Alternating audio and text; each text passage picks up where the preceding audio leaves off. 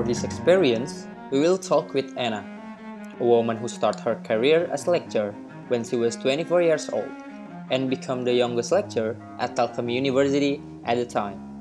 So, prepare your snack, sit casually, and drive safely if you are into it, because Inspirative will take you to the whole new experience of podcast with authentic atmosphere and real woman behind everything in creative industries. Women make up more than half of the world's population and potential. And it doesn't matter what party you belong to Democrat, Republican, Independent no woman deserves to be treated this way. None In a world that was run where half of our countries and half of our companies were run by women would be a better world. the more I have realized that fighting for women's rights has too often become synonymous with man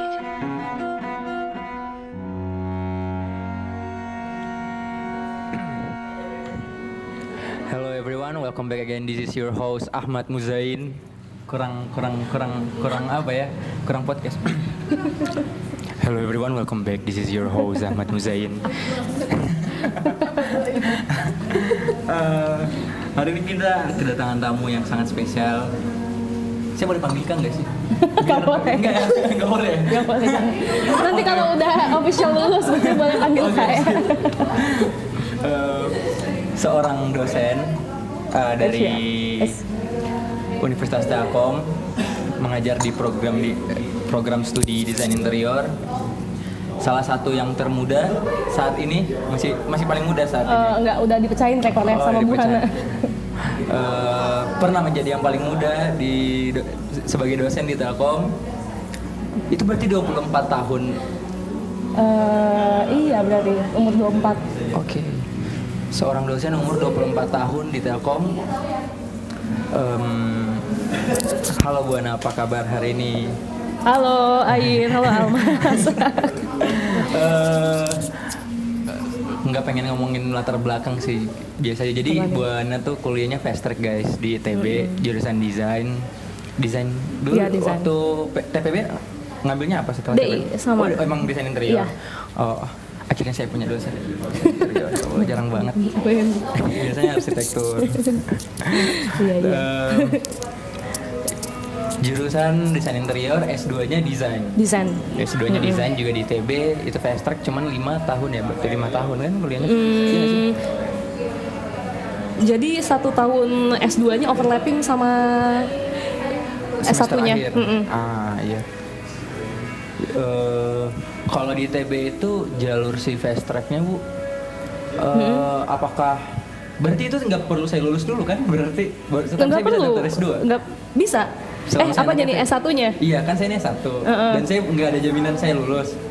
itu nggak mungkin sih Oh, nggak mungkin. nggak nggak mungkin sih Eh, soalnya dilihat dari IPK-nya Oh. Yang, mm-mm. Jadi ada kayak standarnya gitu ya? Iya, ada bisa standarnya gitu. Dulu standarnya berapa? 3,5 di sana 3,5 di ITB? Iya. Baru bisa ngambil fast track? iya benar Nah, kalau turun misalnya di semester 7, semester 8? nah itu belum ada dulu sih pas punyanya saya ya angkatannya saya itu belum ada peraturan yang benar gitu loh Oh, jadi iya, belum iya. ada yang tertulis nah eh, sekarang juga sih teman saya ada yang ngundurin diri gara-gara nggak bisa nggak kuat tesisnya padahal udah fast track itu juga ada nah ya. gara-gara itu nanti eh, evaluasinya ya angkatan sesudahnya bakalan diperketat lagi seleksinya Itunya nggak usah dipegang, Bu. Capek. Gimana sih? Kayaknya itu mah eh, apa namanya pasti udah bagus. Oh, oh, oke baik ah. Sombong banget nih ayam. Eh, kan kalau mis- misalnya si fast track itu ada ada standar ya ngejalanin si selama masa studi itu kan sambil TA sambil saya berarti bikin rencana buat tesis gitu kan Iya. plan tesis kan Iya, lagi ongoing proposalnya. Iya, berarti bikin kerjain dua proposal dalam waktu satu waktu berarti gak sih? Iya, tapi satunya perancangan ya. Iya, satunya perancangan. Oh, tapi ibu dulu perancangan apa penelitian ngambilnya? Eh, kalau S1 nggak perancangan, TA. Oh, kalau di TB bukannya kebagi-bagi gitu ya? Ada bisa, bisa penelitian. bisa milih sih, cuma Oh. eh, studi- eh, kasusnya paling banyak perancangan semua sih Oh, pasti ya. Hmm. Biar keren aja lulusnya ya. Iya. Jadi Gitu ada sih. output portofolionya. Iya, iya. Iya. Tapi Kecuali kalau udah dari S1 eh, sebelum masuk S1 udah kebayang keluarnya pengen jadi, Jadi ilmuwan apa? gitu. Ah. Baru skripsi biasanya gitu sih. Jadi berarti sambil bikin perancangan tuh sambil ngurusin uh, proposal tesis. Heeh. Em, susahnya di mana? Eh, wah susah banget sih. Mungkin ya. kalau saya dulu zaman kuliah, saya tuh aktivis juga himpunan. Aktivis? Iya. Anak IMDI guys. Iyalah. Nah, eh, dulu kalau di angkatan saya tuh ngurusin pengabdian masyarakat saya tuh. Jadi dapat eh, bikin proposal, terus presentasi ke Dikti, dapat duit Dikti sama ITB. Jadi ada 100 juta tuh. Jadi saya harus tanggung jawab itu kan. Mm-mm. Pengabdian di daerah di daerah mana ya? Saya lupa. Cipacing. Tahu nggak? Cipacing. Itu kayak udah jauh banget di dalam Iya, ya. jadi saya ke sana juga dari ITB tuh ke stasiun Bandung naik kereta ke sana bolak-balik. Daerah mana sih Jawa? Masih Jawa Barat. Masih Jawa Barat sih, Purwakarta daerah Sumedang. Oh, Sumedang. Oke. Cipacing ke situ kan. Nah, susahnya di situ sih karena eh, kalau menurut penelitian ya eh, manusia tuh cuma bisa fokus tiga hal di dalam hidupnya. Kan saya udah S1, saya udah S2, saya pengabdian. S1, pengabdian. nah, tapi saya masih ngeyel, masih ngambil satu saya kerja di konsultan. Waduh. Aktivis banget sih. Tambah gila kan? Aktivis sekali. tambah Ya, gila terus? tuh di situ. Nah tapi eh, akhirnya ya berjuang sih buat bisa tanggung jawab hashtag sama dikasih dana juga dari ITB. Hmm. Ya eh, manage waktu jadinya. Itu kan berarti ibu ngejalanin empat sekaligus ya. Udah. Itu sebenarnya kerja di konsultan kenapa sih? Biar keren apa biar karena butuh duit? Enggak, dulu idealis banget saya. Oh. Saya tuh eh, lulus tuh sebenarnya bukan mau jadi dosen atau ilmuwan, tapi saya tuh pengen ngegedein kantor saya gitu. Dan Itu ke- kantor yang dibikin sama senior barengan. kerja di mana dulu? Maxi Works, tahu nggak? Oh iya ya tahu itu tempat magang kemarin teman-teman juga tahu tahu yang di Dago kan? Apa sih? Iya, iya kan oh, iya terus. Saya dulu udah bareng sama Maxi Work tuh dari awal dia Hmm, gitu. Oke. itu ngejalanin empat eh, sekaligus. Saya juga ada satu nih. Ibu, Apa ibu pernah jadi perwakilan ITB kan di luar. Iya di nggak mana sih? nih? Di eh namanya apa sih TKMDI? Bukan bukan di eh, perwakilan ITB di luar negeri pernah nggak? Oh pernah. Itu jadi apa sih? Itu jadi namanya delegasi ya. Nah. Jadi itu tuh ada Youth eh, International Forum di Ah. Rusia. Nah itu sebenarnya eh, kayak course camping buat karakter building Oh, dari itu programnya dari? dari Federasi Rusia. Oh iya iya Nah, iya. dari Federasi Rusia itu. Nah, terus eh, sebenarnya ya saya lebih pengen jalan-jalannya sih ketemu orang baru. Tapi itu dibiaya, biaya sendiri apa dibiayain? Dibayarin dikti sama dibayarin TB. Jangan lu memanfaatkan dana-dana pemerintah nih. Nah, itu selagi kalian kuliah harusnya. udah, udah melaksanakan sih kemarin udah ke Jogja. Nah, itu bayarin kan? makan, makan di restoran ya. Nah, itu kan seru. Eh, itu pe- pengendalian tapi berarti nggak ada hubungan sama interior dong. Hmm, nggak ada. Berarti itu yang program ya udah program sebagai mahasiswa aja gitu. Ya, Oh, saya kira. summer camp aja gitu. Mm-mm.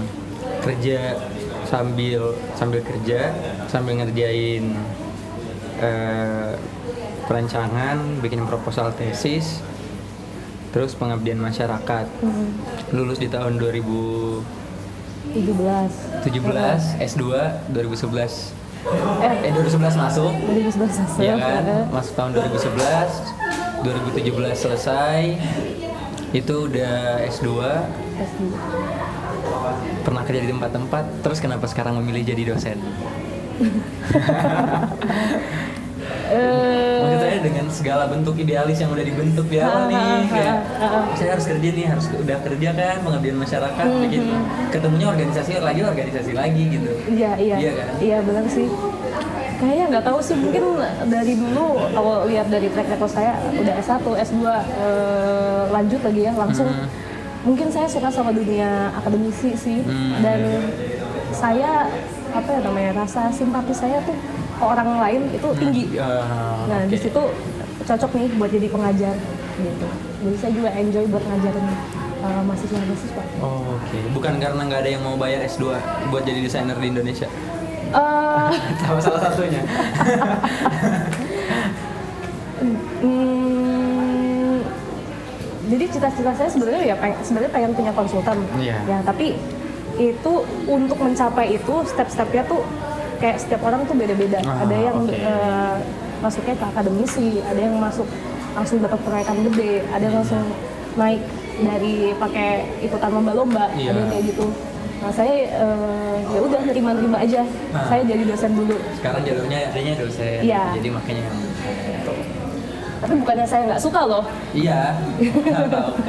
Saya juga sebenarnya terlihat benci dengan kehidupan mahasiswa bukan berarti saya nggak suka. Saya suka-suka aja. Cuman kesel aja kadang-kadang. Iya kan? Bener. Wajar, jadi itu wajar kan? Wajar, wajar. Wajar aja. Jadi dosen selama ini, eh kalau misalnya saya bilang yang paling menyebalkan dari mahasiswa pasti ada mahasiswa yang gak mau dengerin terus so, so pinter pasti itu kan. pasti itu Eh, gini aja deh, kesalahan ibu selama jadi dosen apa nih? Hmm, Menurut ibu kesalahan yang paling fatal yang pernah ibu buat?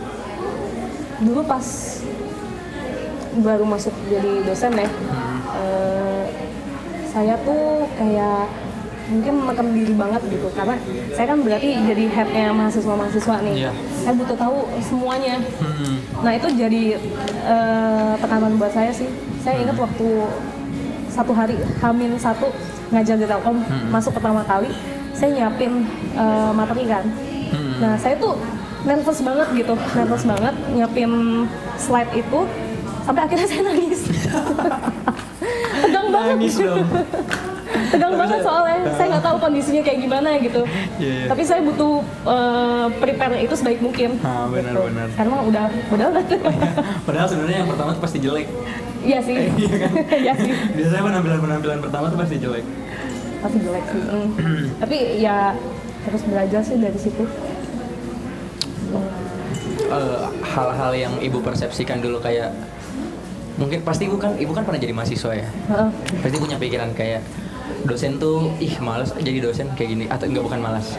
Dosen ini kejam ah nggak mau sama ini. Eh, ini jahat banget ini ini, ini segala macam. Tapi pas ibu masuk ke dunia dosen nah hal-hal jadi seperti ini tuh sebenarnya ada alasan dan itu seharusnya bisa diterima sama mahasiswa. Ada nggak yang kayak gitu? Hmm, kalau mm, dari sisi saya sih menurut saya dosen juga manusia sih. Kan manusia sifatnya tuh banyak. Ya tapi eh, menurut saya dosen tuh pasti ya tujuannya tuh meng- mengedukasi ya mendidik eh, mahasiswa. Nah eh, harus bisa lihat dari sisi lain sih Hmm. tujuan si dosennya itu apa. Terus eh, gaya ngajarnya juga beda kan. Hmm. kita harus ngerti itu juga. Sebagai mahasiswa ya Hmm, gitu yang dan harus nyusun taktik juga kayak misalnya eh, ada dosen yang ternyata dia tuh misalnya nggak nggak baca draft kayak kalian gitu ya Hmm. dia ngo- apa, ngo- ngobrol yang kalian eh, dia ingat aja misalnya ya nah berarti taktiknya kalian butuh nyiapin per- per- pertanyaan sebelum datang ke bimbingan misalnya kayak gitu jadi ya buat dosen cara ngajar itu seni.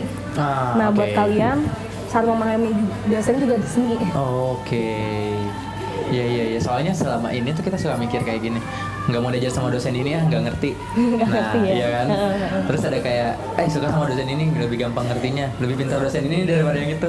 Padahal sebenarnya itu cuma cara ngajar sebenarnya. Iya cara ngajar. Se- eh, dosen punya cara ngajar sendiri, kita harusnya juga punya cara memahami Iya, sendiri iya, gitu kan. Jadi nggak ada celah gitu. Iya. Ah, oke, paham paham. Terus sejauh ini selama jadi dosen, eh saya mau tanyain satu pertanyaan aja please. Apa, apa? Gaji dosen berapa sih? Ini kan di dosen itu ada namanya jabat, jabatan fungsional kan. Iya. Jadi ada tingkatannya, ada yang nggak punya status itu namanya Dosen baru masuk. ya. Dosen baru masuk lah ya. Nanti di Iya, atas iya. saya tuh ada AA. Iya. Kayak misalnya Bu Icus itu udah AA. Iya. Nah, kalau jadi yang- lain-lain nggak tahu ya. Ada saya ada rektor, ada kepala rektor, Oh, itu beda lagi iya. gajinya. Makin tinggi level, makin tinggi juga gajinya. Iya. Nah, saya itu 5 juta. Hmm. Plus eh, apa lagi ya? Transportasi, insentif-insentif kayak gitu-gitu. 5 juta tapi sering ya 5 juta sebulan sekali lah. Oh, kirain 5 juta Heeh. bisa Tapi kadang-kadang kan Telkom kayak misalnya kemarin ngadain tes CPNS gitu, biasanya Ah. dapat SHU gitu. Oh, oke. Dapat bonus. Sering-sering lah kalian CPNS untuk tes. Itu Enak aja, macet. iya sih. Macet banget. Saya tinggal Iya, di Kusuma iya. Bali itu kerasa banget, Bu. Ih, amit-amit dah. Aduh. Itu jadi ya tadi referensinya teman-teman kalau misalnya teman-teman ada yang berniat untuk menjadi dosen ke depannya itu gajinya 5 juta. Jadi kalau misalnya kalian kerja di Jogja, Jogja tuh kalau nggak salah ya, UMR-nya kan 2,8. 2,8 tuh biasanya kalau desainer, UMR lebih-lebih dikit kalau berdasarkan sebelum-sebelumnya UMR lebih-lebih dikit ya sekitar 3,1. Lebih tinggian dosen jadi dosen aja guys. Udah dapat uang makan, digaji 5 juta per bulan, dapat uang bensin, terus insentif-insentif, terus kalau ada tes CPNS, ya kan? Belum biaya-biaya pengabdian masyarakat, penelitian. nah, nah, itu. Jadi sebenarnya plus minus lah, plus minus. Terus eh, kalau sejauh sejauh selama menjadi dosen kan eh, udah berapa tahun sih ibu jadi dosen tetap? Eh baru tahun ini kemarin ya? Baru iya semester kemarin. Se- semester kemarin ya. Berarti itu proses dari jadi dosen LB-nya berapa lama? Dari 2017? Dua tahun berarti. Dua tahun proses jadi LB. Jadi emang itu syaratnya atau gimana? Atau memang belum butuh aja waktu itu? Waktu itu karena saya masih idealis. Ah. jadi ini tuh sebagai kan saya jadi dosen LB, jadi pemasukan sampingan saya. Ah iya iya iya. gitu nah ternyata pas eh, kantor konsultan saya lepas Mhm. saya nggak punya pegangan dong Mhm. nah ditawarin sama Pak Dodi nih supaya jadi dosen tetap nah ternyata eh, Pak Dodi juga suka sama kualitas saya gitu Ah, kan jadinya ya udah Daftar ke situ. daftar ke sini dulu Waktu itu sangkatan berarti ka- masuk dosen sangkatan sama Pak Arif sama Pak Erlan ya? iya Tahun kemarin ya? tigaan heeh. Em, tapi kalau misalnya kalau misalnya nih alurnya Telkom, saya pengen eh bukan alur Telkom sih mungkin beberapa juga rata-rata pakai yang sama karena kurikulum ya. Eh, kalau misalnya saya pengen daftar langsung jadi dosen tetap, bisa nggak sih? Apa harus lewat LB dulu? Hmm, enggak kok, enggak bisa banget jadi dosen tetap. Cuma itu harus nungguin penerimaan dari pusat. Oh, jadi emang ada opreknya gitu, Ah, kayak panitia-panitia gitu ya? Benar, jadi ada oprek yang terpusat, ada oprek DI. Mm-mm. Nah, biasanya oprek yang DI eh, kayak saya pertama kali yang masuk. Nah, itu jadinya dosen LB. Hmm. Tapi kalau misalnya ikutan oprek yang terpusat, itu bisa jadi dosen tetap. Kayak Hmm. Bufika, itu kan Iya. nggak lewat. Itu lewat eh, jalur pusat. Iya, Ah, jalur pusat. Oke, sama dosen-dosen yang baru masuk ini kemarin, Hmm. barang itu. Nah, ini Itu pusat. beda? Oh itu pusat Itu juga. pusat juga. Oke. Karena ibu udah kan masih baru banget tuh 2017 kuliah. Hmm. Eh 2017 masih kuliah berarti kan? Awal-awal tahun apa enggak udah enggak kuliah? 2017 tuh Desember lagi sidang. Oh iya berarti 2017 masih sempat kuliah kan? Itu sebenarnya kalau misalnya dari sudut pandang karena ibu udah mendapatkan sudut dari sejak tiga tahun empat tahun yang lalu itu ibu punya sudut pandang sebagai mahasiswa. Sekarang juga punya sudut pandang dari sebagai seorang dosen. Eh, menurut ibu pendidikan desain di Indonesia kurangnya di mana nih? Dari sudut itu. Kalau saya kalau misalnya saya doang yang ngomong kan dari sisi mahasiswa saya cuma tahunya dari sisi mahasiswa. Dan sisi mahasiswa biasanya isinya kritis-kritis eh, tidak memberikan solusi. Itu isinya cuma protes aja biasanya bukan kritis. Oke, oke. Eh, menurut saya terlalu banyak teori. Tuh banyak teori Nggak, harusnya lebih teori oke, tapi lebih praktek sih. Jadi Hmm. kayak misalnya di eh, universitas desain di luar negeri ya, mereka kayak tahun pertama mungkin masih kuliah di universitasnya. Hmm. Nah, tapi ada tahun-tahun di mana di- mereka tuh kayak setahun dilempar ke perusahaan lain buat buat nyobain magang. Iya, tapi iya. di situ juga eh, tahu lah em, apa namanya feelnya gimana sih gitu rintangan realnya seperti apa terus apa lagi ya hmm, apalagi Kalau dari sisi dosen? Maksudnya kalaupun memang disiapkan dengan sedemikian Mm-mm. teorinya kurang dan lebih banyak perlu ke praktek, ibu sebagai dosen melihat si mahasiswanya siap nggak sih? Bu? Hmm, harus siap sih kalau enggak kita selalu bakal ketinggalan gitu Indonesia desain nomor berapa sih ya nggak Yin? Kayaknya nggak masuk. Iya kan Yin? kita Jarang banget sih dilirik sebenarnya. eh, kita, kita kalah saing sebenarnya sama universitas lain gitu kalau misalnya gini nih eh, mikir soal sudut pandang desain dari segi dosen terhadap mahasiswa. Menurut ibu kekurang-kurangnya kekurangan bukan kekurangan sih hal yang perlu diperbaiki dari mahasiswa zaman sekarang itu apa? Tentang apanya nih? Dari segi pendidikan. Segi pendidikan eh, perilakunya perilaku ya bukan iya ya. iya ntar eh, enggak maksudnya kan kalau misalnya mahasiswa ke pendidikan dia kan cuma bisa nerima bu- bukan ngebenerin kan dalamnya Iya, iya. Heeh. yang itu maksud kamu Iya iya. Enggak maksud saya gini. em, dari segi dosen kan ada mahasiswa kan ada pasti banyak jenis-jenis mahasiswa nih. Iya kan. Eh, pasti aku juga pernah jadi mahasiswa. terus Sekarang udah jadi dosen. Sebenarnya selama ini yang kurang dari mahasiswa itu apa? Apa yang harus diperbaiki dari sudut pandang mahasiswa? Apakah apakah mereka harus berhenti idealis udah ikutin buku aja semuanya atau eh, harus idealis udah jangan ngikutin buku atau gimana gitu Hmm. harus eh, cari tahu lebih banyak sih rasa penasarannya tuh harus lebih tinggi gitu. Em, kalau masalah harus ngikutin teori atau enggak desain kan selalu berkembang ya. Nah bisa aja ada dobrakan baru nih. Ya. Dan nggak mungkin kalau eh, kebaruan itu tuh terjadi kalau kita ngikutin teori terus. Ya. Siapa tahu ya. Jadi soalnya anggap aja nih dulu warna hitam kayak ditaruh di kamar haram banget kan? Iya. Ya sekarang udah kayak tren gitu. Iya. kamar hitam tuh keren. Iya iya. benar benar. benar. Iya. Jadi harus up, up. Ya minimal tanyain kenapa gitu ya. Iya tanya kenapa. Iya. kadang-kadang tuh kalau ngajar kadang-kadang eh, ada yang mau tanya nggak? Diem. Jadi nggak tahu itu tuh sebenarnya ngerti atau enggak gitu Iya, kan sebenarnya kalau misalnya saya dari sisi mahasiswa ya saya tuh saya dulu pernah saya cerita itu di sini ya. Saya di semester satu itu sa- sa- eh, di kelas 05 Mm-mm. masuk semester 2 kelasnya kan jadinya ada 07 akhirnya 07 tuh jadinya sekelas sama Zudi akhirnya. Oh oke. Ketemuan. Ya, kelas sama kamu bukan? Nggak terus kelas 07 tuh. Mm-mm. dulu saya kritis banget nih.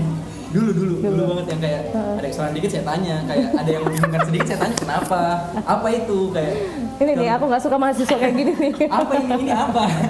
Contohnya tuh kemarin ada teman saya sempat presentasi kan. Jadi eh, tentang sejarah interior. Dia cerita soal dia presentasi tentang sejarah interior zaman Romawi tapi yang dijelasin tuh silsilah kerajaannya. Iya kan? Iya iya. Selesai tiba-tiba itu sekian dari kami assalamualaikum. Bentar bentar bentar. Eh, ya kalau saya nanya kan Iya. saya nanya tuh itu pertemuan pertama eh pertemuan kedua di kelas itu yang saya nggak kenal siapa-siapa di kelas itu?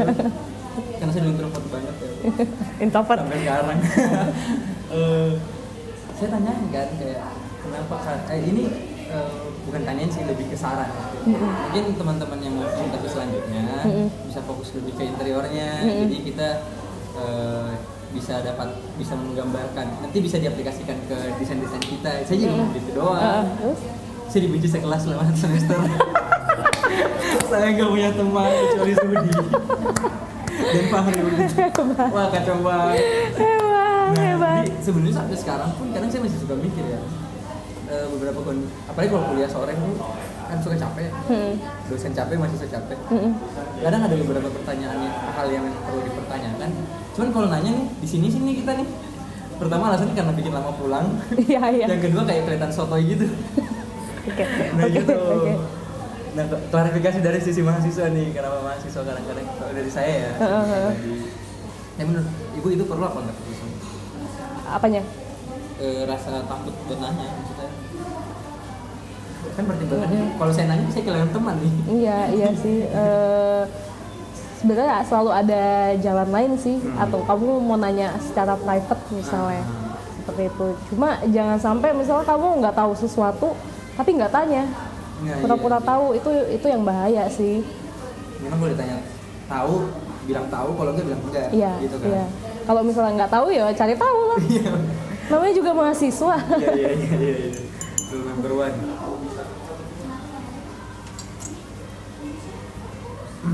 Ibu ada rencana setelah jadi dosen mau jadi apa nggak? Pengen jadi rektor gitu? Kali aja kan. Saya aja sekarang udah bisa jadi bupati. mau nyalek Amin. mau nyalek Gak, gak nyalek saya dicalonin ntar. Eh, rencana ya maksudnya. Eh, rencana saya mau nikah Amin. Oh udah mau nikah udah seriusan Juli ini saya mau nikah Waduh, selamat. akhirnya saya laku gitu kan Acaranya di mana biar saya bisa banyak ahadiat ahadiat ahadiat bangga bangga ajakin aja aja asal jangan bikin tusuh ya Iya, iya, terus minimal bawa kado lah. Kayak gitu. sama buat tupperware Eh, ta- iya tupperware. eh, boleh dibungkusin tuh catering. Kebiasa mahasiswa banget. Bungkusin catering. kacau kacau eh rencana ke depan ya jadi berhenti hmm, saya sebenarnya pengen kuliah lagi sih Pengen kuliah lagi. pengen kuliah lagi Emang ada S3 desain? Eh, banget. ada sih pasti ada tapi mungkin namanya bukan desain ya Udah masuk ke estetika iya berapa iya gitu. iya iya benar hmm, itu sih cuma saya belum ada kekuatan buat nulis proposal Iya. misalnya buat daftar LPDP atau misalnya eh, Bright. Yang itu belum ada kekuatan buat nulis itu sih. Gitu. Kalau kamu mau bayarin eh, boleh Ya silahkan nanti kita ada di kitabisa.com. Ibu Ana. Buat dana buat S3. kesel banget. Jadi dosen S3 desain pertama. Eh, ta- tapi tas saya Hermes gitu ya bawa bawa ke kampus nggak nggak nggak nggak punya Hermes nggak punya Hermes Ya mau makan gaji kita bisa .com haram. Jadi haram platformnya. jangan jangan. Karena mau kuliah lagi. Eh, masih merasa kurang sih kalau saya rakus banget berarti. Rakus akan ilmu, ilmu pengetahuan. rakus banget bagus dong ya Iya, ba- bagus sih. Bagus bagus. Kalau masalah rakusnya ilmu pengetahuan sih nggak apa-apa. Yang penting yang bahaya itu karena dampak-dampak dari rakus ilmu pengetahuan itu biasanya membacakan jurnal. iya iya benar. Biasanya. benar. Kan? tapi emang eh, dulu ya pas lagi diwawancara buat fast track itu kan ditanyain nih kamu memang habis ini mau ke mana? Gitu kan. Eh, eh, saya mau jadi dosen. Dulu tuh udah kepikiran mau jadi dosen. Cuma tadinya kan mikir sambil dosen juga kantor nih seimbang. Nah kenapa emang mau jadi dosen? Eh, kacau banget nih. saya saya bilang eh, saya pengen nge, apa ya namanya ngembangin Indonesia saya bilang kayak gitu sambil berlinang air mata malu marah Pede banget banget ya Allah. kesel banget gak sih Pede banget. tapi jiwa sosial gu- Iya. saya memang tinggi sih Iya iya iya. Terus gitu eh, kaget juga kan si bapaknya ya udah dia nggak ngomong apa apa oh iya dia diem. dia dia diem aja. Beasiswa, beasiswa. Beasiswa mana beasiswa? Ah, beasiswa. Beasiswa. Aduh. Tapi, eh, kok tapi lagi sih? Saya kebanyakan ngomong tapi. Kalau sekarang nih, kan kita lihat kebanyakan buku, eh, buku, jurnal, paper, conference, apa pun itu yang berhubungan sama pendidikan dalam dunia desain itu selalu bahasa Inggris. Kenapa? Kenapa? Soalnya desain tuh berkembangnya mulainya dari luar. Nah, kita kalau dibandingin Amerika sama Inggris, kita tuh lambat banget Indonesia. Iya. Gitu kan. Makanya semua jurnal itu berbahasa Inggris. Gitu. Tapi emang apa apa karena output dari dosen-dosen misalnya di Indonesia itu emang bikin jurnalnya di jurnalnya bahasa Inggris? Apa enggak juga? oh, oh terkait itu ya. Jadi eh, untuk naik jadi eh, lebih tingkatin jabatan fungsional. Iya. Nah itu tuh pakai banyaknya jurnal kan. Nah eh, Ristek Ristek Dikti sekarang itu yang eh, qualifyin si jabatan fungsional, dia tuh masih pakai dosen-dosen ini kalau misalnya mau naik lebih tinggi jurnalnya harus lebih banyak. Dan yang paling dipentingin Scopus. Nah Scopus itu sumbernya dari luar negeri bukan dari Indonesia. Makanya eh, dan desain ya jurnal desain di Indonesia nggak ada yang Scopus. Jadi kalau mau Scopus ya otomatis harus ke luar negeri semuanya. Gitu kayak meral gitu ya. Ya. Ya ya ya, ya. nggak mau jadi harus Berarti bahasa Inggris. bahasa Heeh. Inggris gitu. Heeh. tapi dari Indonesia juga banyak. Eh, yang Scopus nggak? Nggak ada nggak ada satupun yang desain. Nggak ada. Nanti saya deh. Jurnal TA saya langsung ke Scopus. Sip. Amin amin. Lumayan kan? Dapat duit kalau saya. Iya Iya kan? dapat. Nanti dibagi pasti sama do- dosennya kan. Iya kan? Eh, berarti emang karena pertama eh, secara enggak tapi pasti Scopus pasti ada yang apply cuman mungkin belum diterima ya Iya, jadi, kan? itu lama banget pro- prosesnya. Heeh. Dan kalau Scopus luar negeri eh, ada yang gratis, ada yang bayar Iya. kan. Bayar tuh bisa sampai 4 juta, eh, 10 jutaan, sekitar segitu.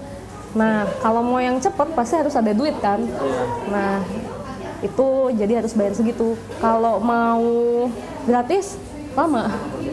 iya sih kalau saya lihat-lihat di jurnal-jurnal publikasi di Indonesia juga kayaknya yang biasanya ngantrinya banyak tuh yang gratis Ya iya, eh, eh, bener. Saya kemarin juga ngobrolin satu kan di Universitas Malai. Nah itu gratis, tapi saya masukin uh, udah apply dari 2017, publishnya 2019. publishnya 2019 loh, iya. Dua tahun, dua tahun. dua tahun. Wow lumayan. Ini bisa jadi tercapai kayaknya. Mau yang ini Scopus, berbayar, iya. Kayak Emerald juga ada.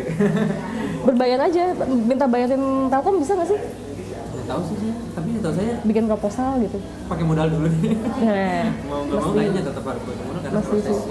si birokrasinya kayaknya pasti lama Iya, iya. Kamu kalau misalnya mau kumlot harus keluar publish jurnalnya. Ketahuan tanggal berapa?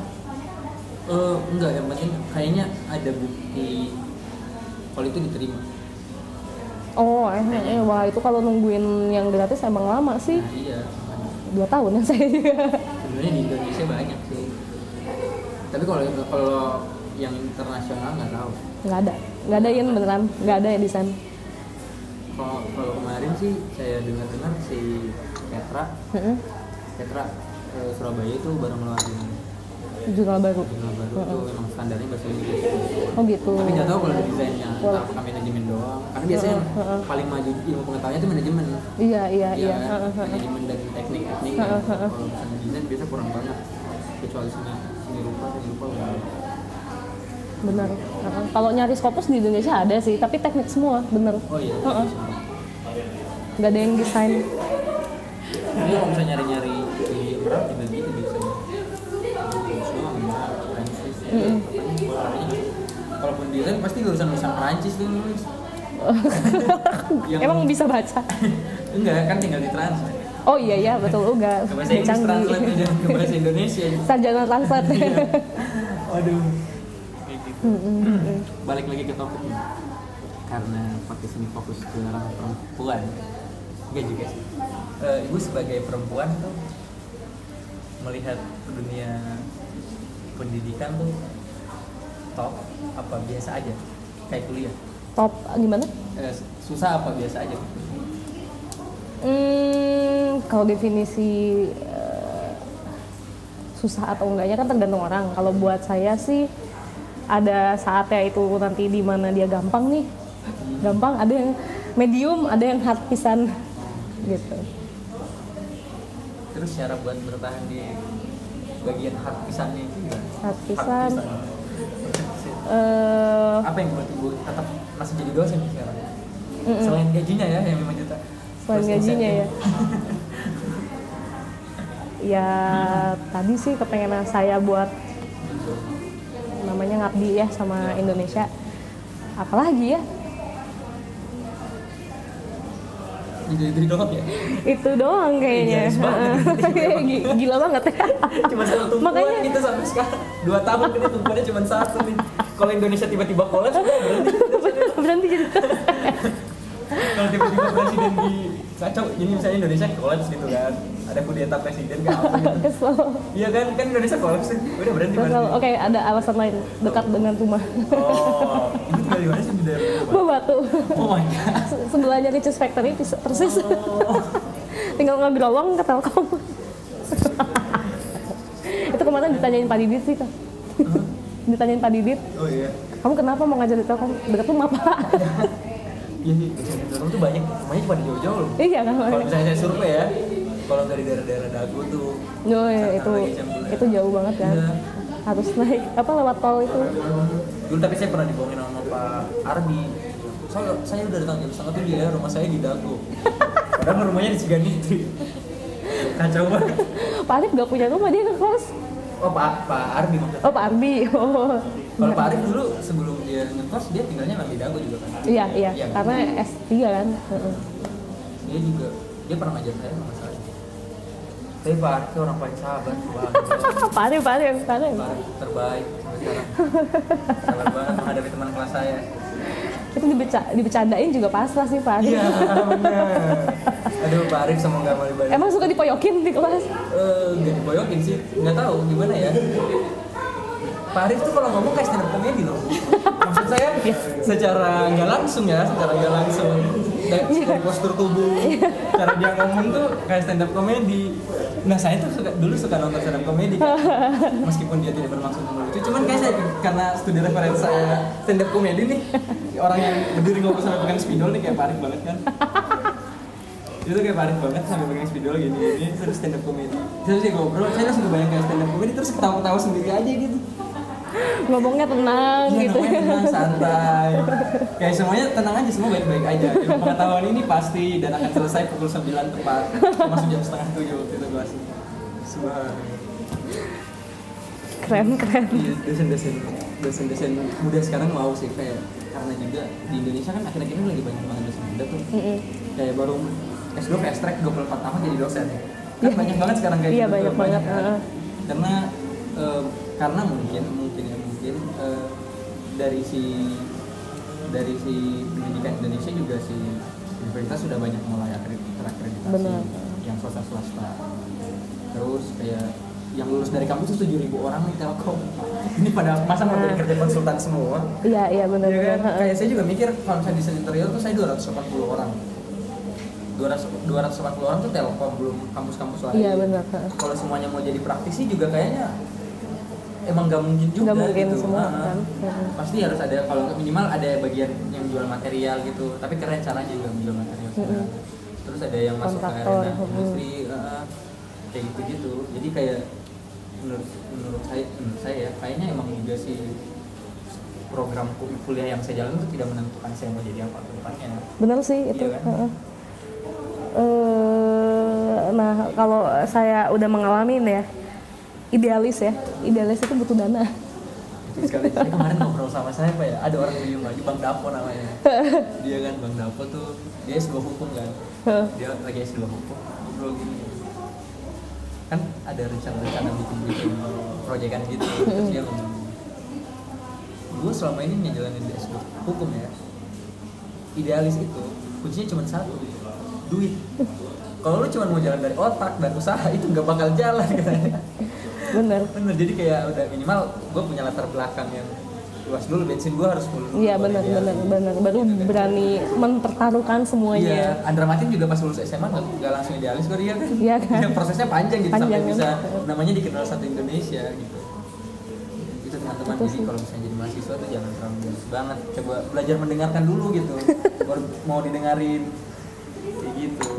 Dan jangan malu juga sih menurut saya kalau misalnya lulusan desain interior nanti kerjanya di bank. Kayak gitu ya nggak apa-apa. Itu eh, asal kalian seneng aja sih. Asal kalian enjoy. Jadi sebenarnya nggak ada yang nggak boleh dan ada yang boleh. Relatif semuanya. Temen saya baru lulus juga kemarin mikir gini. Kan dia lulus eh, ITELAS jurusan sipil ya. Gue mau kerja apa aja sekarang terserah yang penting ada duitnya dulu nih. Mm-mm. Masalah idealis itu sampingan aja lah dulu. Mm-mm, Jadi dijadiin sampingan gitu, minimal ada pendapatan tetap yang bisa ngejamin hidup dulu gitu. Mm-mm. bener saya juga ng- ngalamin itu sih Yin Iya, kayaknya ibu dari empat nih kayaknya nih ya. Mm-mm. S1, eh fast track 2, hashtag S1, S2, terus aktivis eh, mahasiswa, terus kerja. Itu nggak ada bayangan bakal jadi dosen. Iya Ya minimal gue jadi apa ya? Jadi drafter. jadi daftar Minimal jadi drafter. iya Iya iya kan? benar. Eh, tapi ya itu eh, saya berusaha berdamai sama diri sendiri sih soalnya kalau misalnya saya terus nyel- ngikutin idealis saya atau misalnya saya nggak mau kerja gitu ya ya nggak jalan saya nggak maju jadi saya mikirin ya bat- batu loncatan saya supaya gapai cita-cita itu kan ibu dari empat nih padetan dulu sempat ngejalanin empat kegiatan sekaligus fokus di tiba-tiba jadi dosen yang sehariannya datang jam tujuh pulang jam lima. Heeh. membosankan gak sih? Eh ada bosen tapi saya nggak kepikiran itu sih pasti ada ya kalau bosennya. Tapi saya menurut saya saya selalu semangat sih kalau saya ya? Kenapa fakultasnya desain ya? Iya iya. mungkin mungkin gara-gara situ.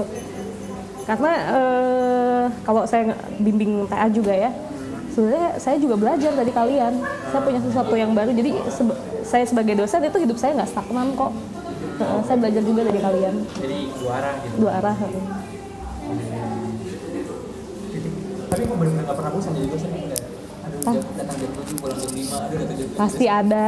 Pasti ada. Pasti juga. ada saya eh, sering telat-telatan juga sih. Untung mbak Dodinya nggak pernah ini bakal didengerin sama sama Dodi eksplisit ntar saya bikin kontennya emang eksplisit gitu. Jadi orang yang pernah login email at Telkom University nggak boleh dengerin. Oke siap. Siap siap yang siap. HP-nya terhubung ke Telkom yang akunnya terhubung ke Telkom University itu nggak boleh denger siap siap.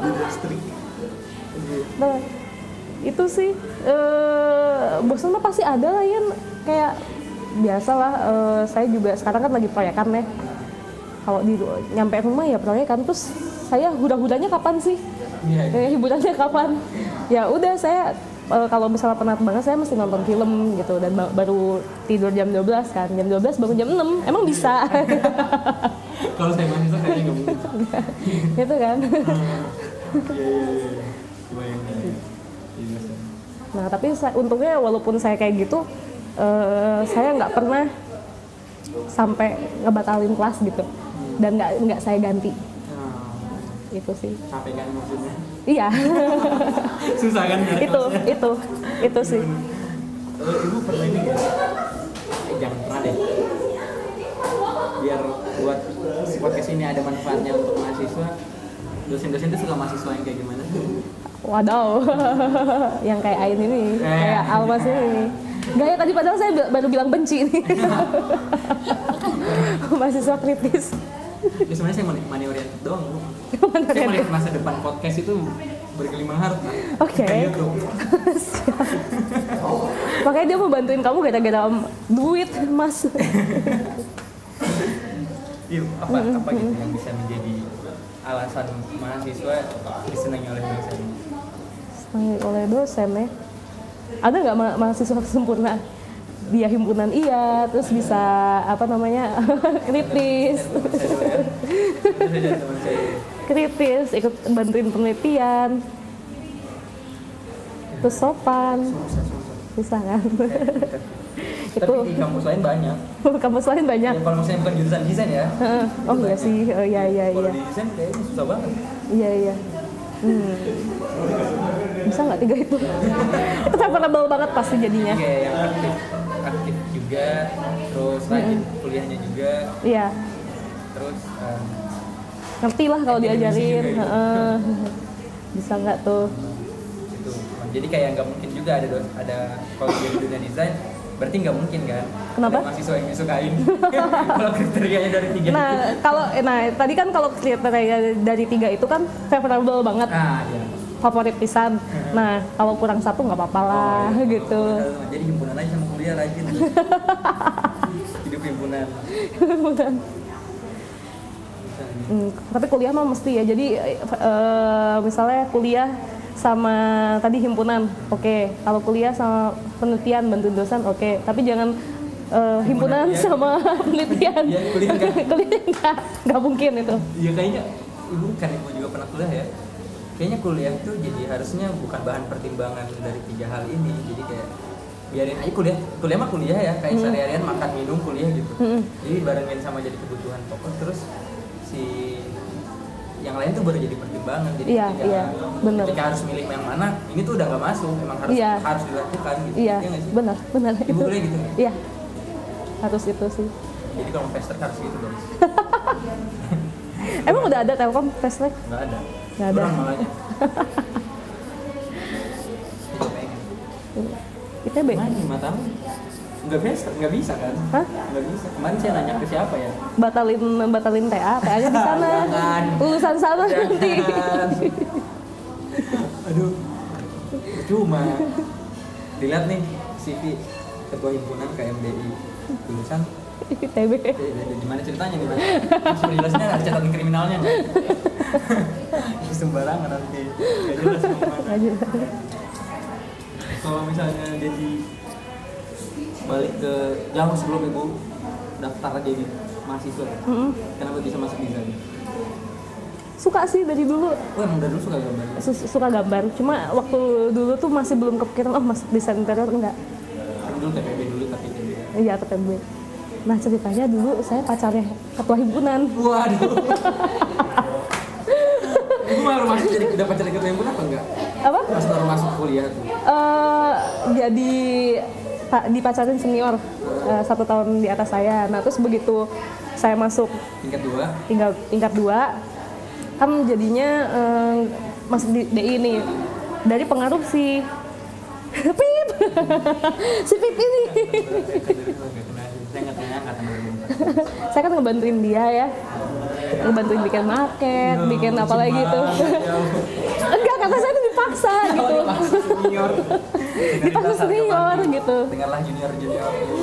Itu adalah sesuatu keharusan dan kewajiban. saya dipaksa senior terus udah naik tingkat dua kan dia tingkat tiga. Nah tingkat tiga kan baru mulai eh, aktif kan himpunan. Dia narik saya gitu jadi dia Blok gitu ya. cinlok kayaknya cinlok sih cinlok dia jadi jadi kahim nah saya jadi bendahara Curang banget nepotisme berarti. ya. enggak enggak enggak seriusan Oh, itu emang skill berarti. skill Oke, verified, verified. Akhirnya bisa mutusin pas TP itu, akhirnya mutusin masuk itu kenapa? Kenapa nggak DKV gitu? Eh, nah tadinya pengen di kafe loh. Jadi ada ada tiga semester kan itu boleh kita boleh nulis pilihan kita mau ke mana. Jadi saya tuh berubah-ubah. Ada D- ada DP pertama tuh DKV terus nanti DI. DP duluan ya pilihan pertama DP. Iya DP duluan. Karena saya ngelihat kayaknya eh, konsumerisme ya Nah, iya. itu tinggi banget dan produk tuh pasti ada selalu ada yang baru. Saya mikir kayak gitu. Nah ketemu sama dia nih si Pipi itu. Oke. Terus ketemu sama senior idealis yang mempengaruhi. Iya, dia idealis juga. Pinter ngomong tuh kayak kamu. Udah punya pacar belum sih Ain? Udah belum? Apa sih? Jangan-jangan kamu ya pacarnya? Saya udah punya pacar. Hah, kamu pacar? Baca tahu mas. Malu kan dia. Ya, nggak pernah loh. Kamu nasib nasibnya bakal ber saya nanti. Jadi dosen, Jadi dosen. Eh, tapi seangkatan ya? Ya udah. Lah. Iya sih dia turun satu tingkat, jadi pas udah sama jalurnya sekarang udah udah apple to apple. Kita di satu tingkat. Oh jadi tuan Almas? Enggak kan? Oke. Dia se- Dia sembilan tujuh, saya sembilan delapan emang. Oh iya, tapi kamu kan nggak TA ya sekarang. Iya, nggak TA. Kasian deh. nah, selain itu eh, saya ngeliat peluang di interior sih. Kalau lahan, kalau arsitek ya dia kan berpengaruh sama lahan. Lahan tuh pasti lama-lama habis kan. Tapi kalau misalnya manusia, dia kan pasti ada bosennya ya. Iya. Atau pengaruh tren lagi dan dia pasti butuh interior. Jadi saya masuk interior. Semester dua tuh mikirnya itu. Iya. Berat banget. saya tahu kenapa pilih interior. Apa? Mama saya, di- bunda saya di rumah sukanya koleksi majalah interior. 40 rumah minimalis gitu-gitu loh. Tapi itu nggak apa-apa sih. Jadi kayaknya kayak dari kecil tuh terstimulan sendiri padahal saya nggak pernah baca. Karena ada tumpukan majalah-majalah. Interior. Apa sih dulu majalah tuh interior? Oh, apa asri, ya? asri. Oh iya iya iya kayak iya. gitu, tuh banyak dulu di rumah. Eh, sebenarnya arsitek sih, Unpar, terus daftar Oh, saya daftar Unpar, arsitek, terus daftar Unikom. Pokoknya saya harus di Bandung ya kuliahnya. Hmm, Terus daftar Unikom, daftar ITENA. Itu lulus semua. hmm. Tapi nggak ada yang diambil. Kenapa? ITENA saya kan waktu itu zamannya masih online ya bulan-bulan. 11 sebelum jauh sebelum UN. Mm-mm. Pendaftaran tingkat awal saya lulus. Tapi saya nggak cek email jadi saya lupa bayar. Ya. Ya gimana ya, saya dari Makassar tuh Makassar tuh bukan habitnya cek email tuh bukan habitnya Iya, oke. Ah, Bukan bagian dari Oke. kehidupan Cek email tuh kalau pengennya misalnya pengen cuman buat ganti password Hmm, Ganti password sama bikin akun Cuman dua itu Oke oke. Terus akhirnya datang ke Bandung lagi daftar ke ITB tuh Heeh. Saya ITB. Saya bela-belain tes di ITB biar saya bisa dua pilihan di ITB Oh iya. Terus saya nggak mau banget kuliah di Makassar Bu.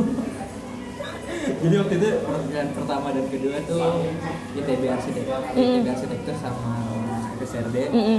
Terus pilihan ketiganya tuh di BNS Mm-mm. dan yang lulus. Oh gitu. tapi itu emang saya udah percaya karena pas tes gambar di ITB Heeh. saya cuma bawa pensil 2B1 sama penghapus.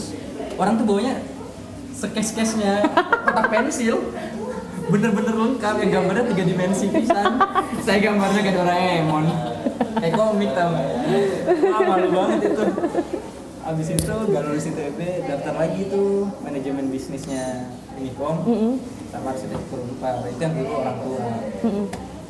lulus dua-duanya Unicom waktu itu tiga jam setelah tiga jam setelah tes tuh udah langsung pengumuman Mm-mm. Unicom karena komputer lulus tuh abis itu udah. Tanya ke nyok nyokap lulus nih? Oh ya udah. Yang unpar di nggak usah berarti kan tapi unpar udah tes. Pas Unicom lagi mau diurusin keluar pengumuman unpar tuh lulus. Lulus. Terus Lulus. ngambil unpar. Enggak yang dibayar Unicom udah terlanjur dibayar Unicom udah terlanjur dibayar kan saya nyokap saya udah kayak panik banget kayak ibu kuliahnya mau di mana? Ini ini ini udah bayar aja tuh. Unicom ya udah dibayar tuh DP-nya waktu sejuta apa dua juta gitu pendaftaran pembangunan. Bayar itu akhirnya unpad di cancel terus saya lihat saya manajemen bisnis. Masa saya manajemen keluarga itu tuh semuanya bisnis. Bisnis, iya saya udah bosan buka pintu ruko capek itu saya pengen pulang ke rumah tuh yang dibuka pintu rumah bukan pintu ruko pengennya kayak gitu Pintu toko. terus jadinya akhirnya nyari tuh pendaftaran yang paling terakhir buka cuma telkom Rio waktu itu akreditasi masih B kan Lah, un, ini Unicomnya ke mana? Kan tadi bayar. Unicomnya iya udah dibayar. Oh, dipegang. Masih pegangan nih Ah, ah. belakangan ya. Kalau misalnya emang udah nggak ada, ini baru kuliah di situ. Di situ daftar Telkom dia diem saya tuh daftar Telkom. Gak ngomong kan. Nah, terus Terus saya lihat pinnya 450 ribu mahal banget biaya pendaftarannya Hmm. untuk ukuran anak SMA kan. Bohong tuh sama saya, saya sama orang tua. Bilangnya mau bayar uang Unicom 450 padahal saya pakai daftar Telkom. Lulus di Telkom kan pasarmu gimana sih nih? lulus di Telkom akhirnya ya udah di situ saya kuliah nyokap saya marah-marah awalnya karena dia bilang apa sih desain interior nggak ada masa depannya padahal dari dari saya kecil dia baca majalah interior aneh kan dia bilang interior tuh nggak punya masa depan kan soalnya mungkin memang karena si referensi orang tua saya tuh Sulawesi kan Heeh, Iya, yang dunia interior di Sulawesi itu kan rata-rata yang mau nggak mau dari luar lagi kan Iya, yang masuk benar. Olimpik dan sebagainya kayak gitu gitu kayak Jepara jadi dia nggak kepikiran tapi semakin ke sini alhamdulillah udah bisa diterima sih Hmm. Gitu. tapi menurut ibu emang si pasar interior di Indonesia tuh kalau misalnya di rata-rata ini kan di interior juga baru ya. Hmm, saya dibanding sama arsitektur produk di kafe benar. Hmm. itu tuh dibandingin dibandingin sama yang lain seberapa seberapa banyak menjanjikannya sih si industri Oh, kalau seberapa ngejanjiinnya nggak tahu ya kalau dibanding yang lain, tapi interior ngejanjiin sih. Pasti itu pasti.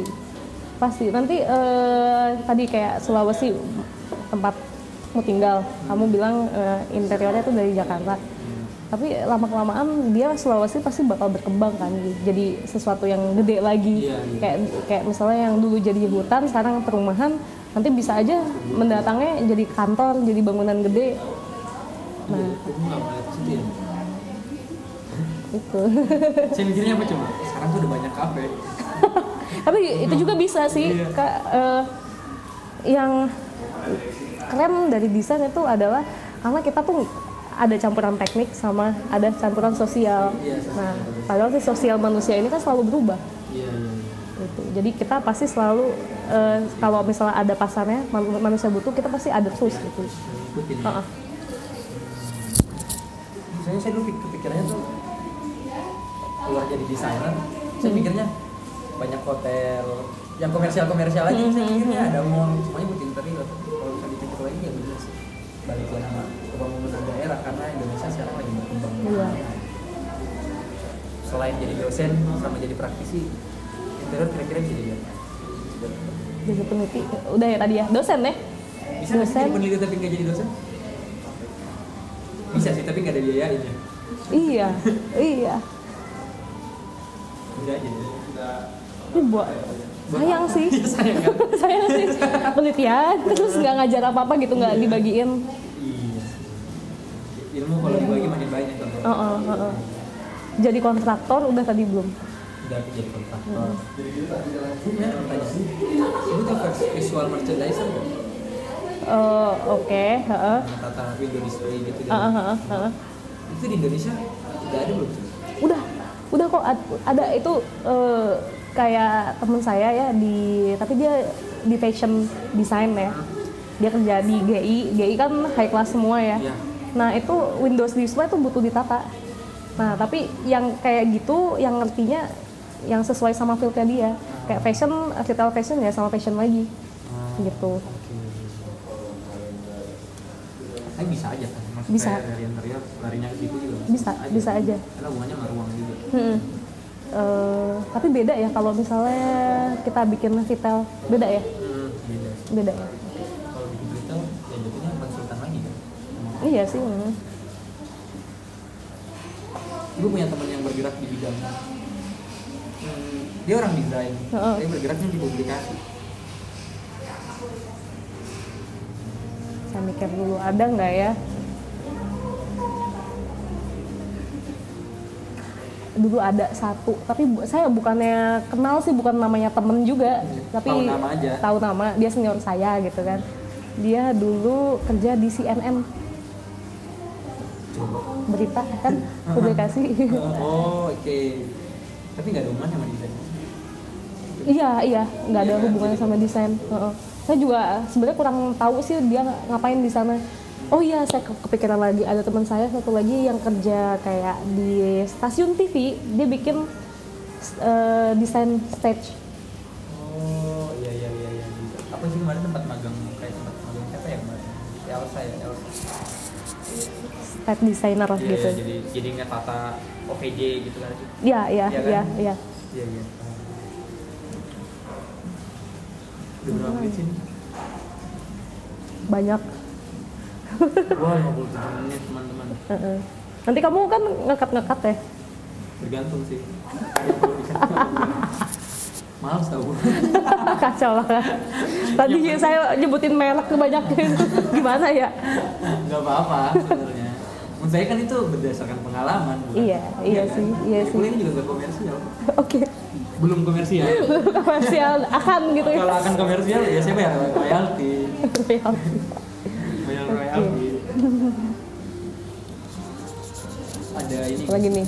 mimpi-mimpi mimpi-mimpi puncak puncak sebagai kan ibu yang mintain orang yang bakal kerja di industri kreatif maksud saya Eh, saya nggak mening saya nggak meninggikan ya Hmm. maksudnya eh, emang secara nyata gitu si sebenarnya fungsi si kuliah itu mempertegas fondasi anda mau ke mana gitu Mm-mm. anda pahamnya gimana nih. Nah, dan dosen tuh berperan paling penting dalam hal itu. Nah, ibu jadi penentu. Jadi menurut saya ini eh, dosen tuh jadi penentu si mahasiswa ini pola pikir terhadap desainnya benar apa enggak gitu. Iya kan? Iya. Salah satu jadi penentu paling besar. Nah, itu tuh punya cita pu- jadi punya mahasiswa tuh jadinya jadi, jadi apa sih? Aduh, kalau mikir ini sih jadi presiden boleh nggak? Boleh sih. Eh, ja- mungkin jadi desainer yang punya karya yang baik ya. Mungkin ja- menang award atau apalah. tapi saya nggak sebenarnya nggak pernah mikirin sih Iya gitu. baru saya nggak mikirin sih Iya idealis ibu kan cuma satu. Iya, Indonesia. Memperbaiki Indonesia. Cuma satu kan. kacau banget. Selama Indonesia masih alhamdulillah lebih baik, ya ini tidak akan runtuh. aduh aduh Ah, kayaknya itu kejauhan deh. Kayaknya mungkin lebih bagus kalau ada mahasiswa bisa ng- ngasih sesuatu balik ke saya. Wawasan lagi. Berarti saya, itu menandakan dia lebih pintar daripada saya nyombong gitu Minimal bikin tweet di Twitter yang nggak bakal kelihatan.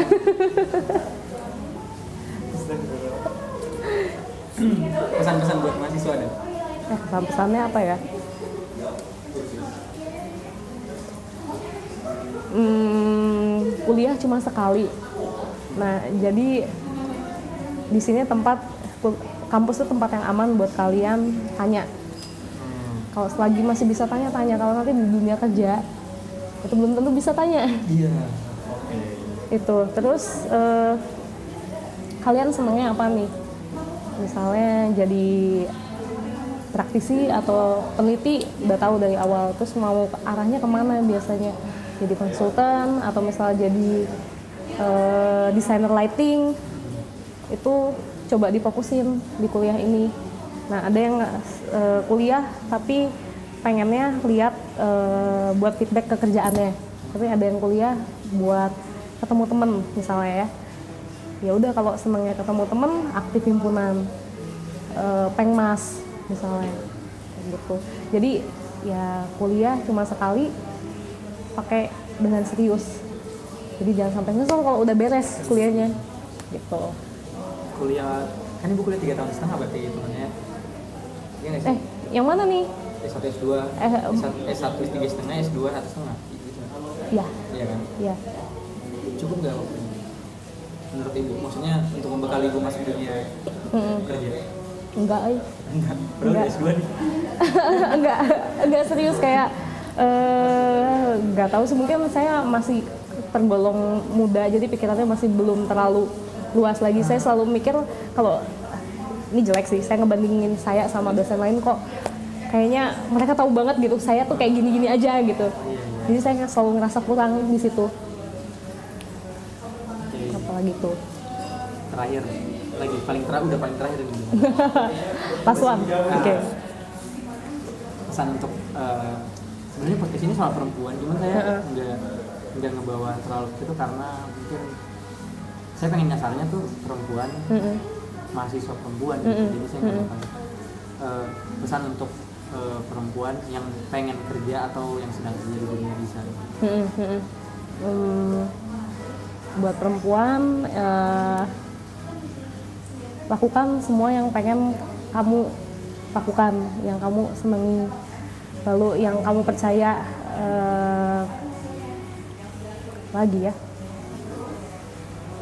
Ya pokoknya eh, sel- eh, selagi sesuatu itu yang kamu lakukan membuat kamu bahagia ya udah lakukan aja. Tapi kamu tahu konsekuensinya apa? Harus bertanggung jawab juga. Gitu. Jadi teman-teman tadi eh, beberapa nggak beberapa banyak banget ini 59 menit podcast bersama dengan dosen saya yang terhormat Ibu Ana. Kacau. kelahiran tahun 9 berapa? 93 93, astaga saya 98 udah 5 tahun. Ini ngomong sama kakak saya. Kayaknya ibu panggilannya ibu Iya Nah, nanti kalau udah official ya boleh panggil kak. Nanti biar lebih official saya atau jadi lebih deh boleh boleh boleh. Saya panggil Pak Ayin Pak Ayin Eh, Oke teman-teman, terima kasih sudah mendengarkan. Semoga bermanfaat. Eh, Sekian dari gua, Ahmad Muzain. Dan saya Arnanti Primiana. Pamit undur diri, terima kasih. Terima kasih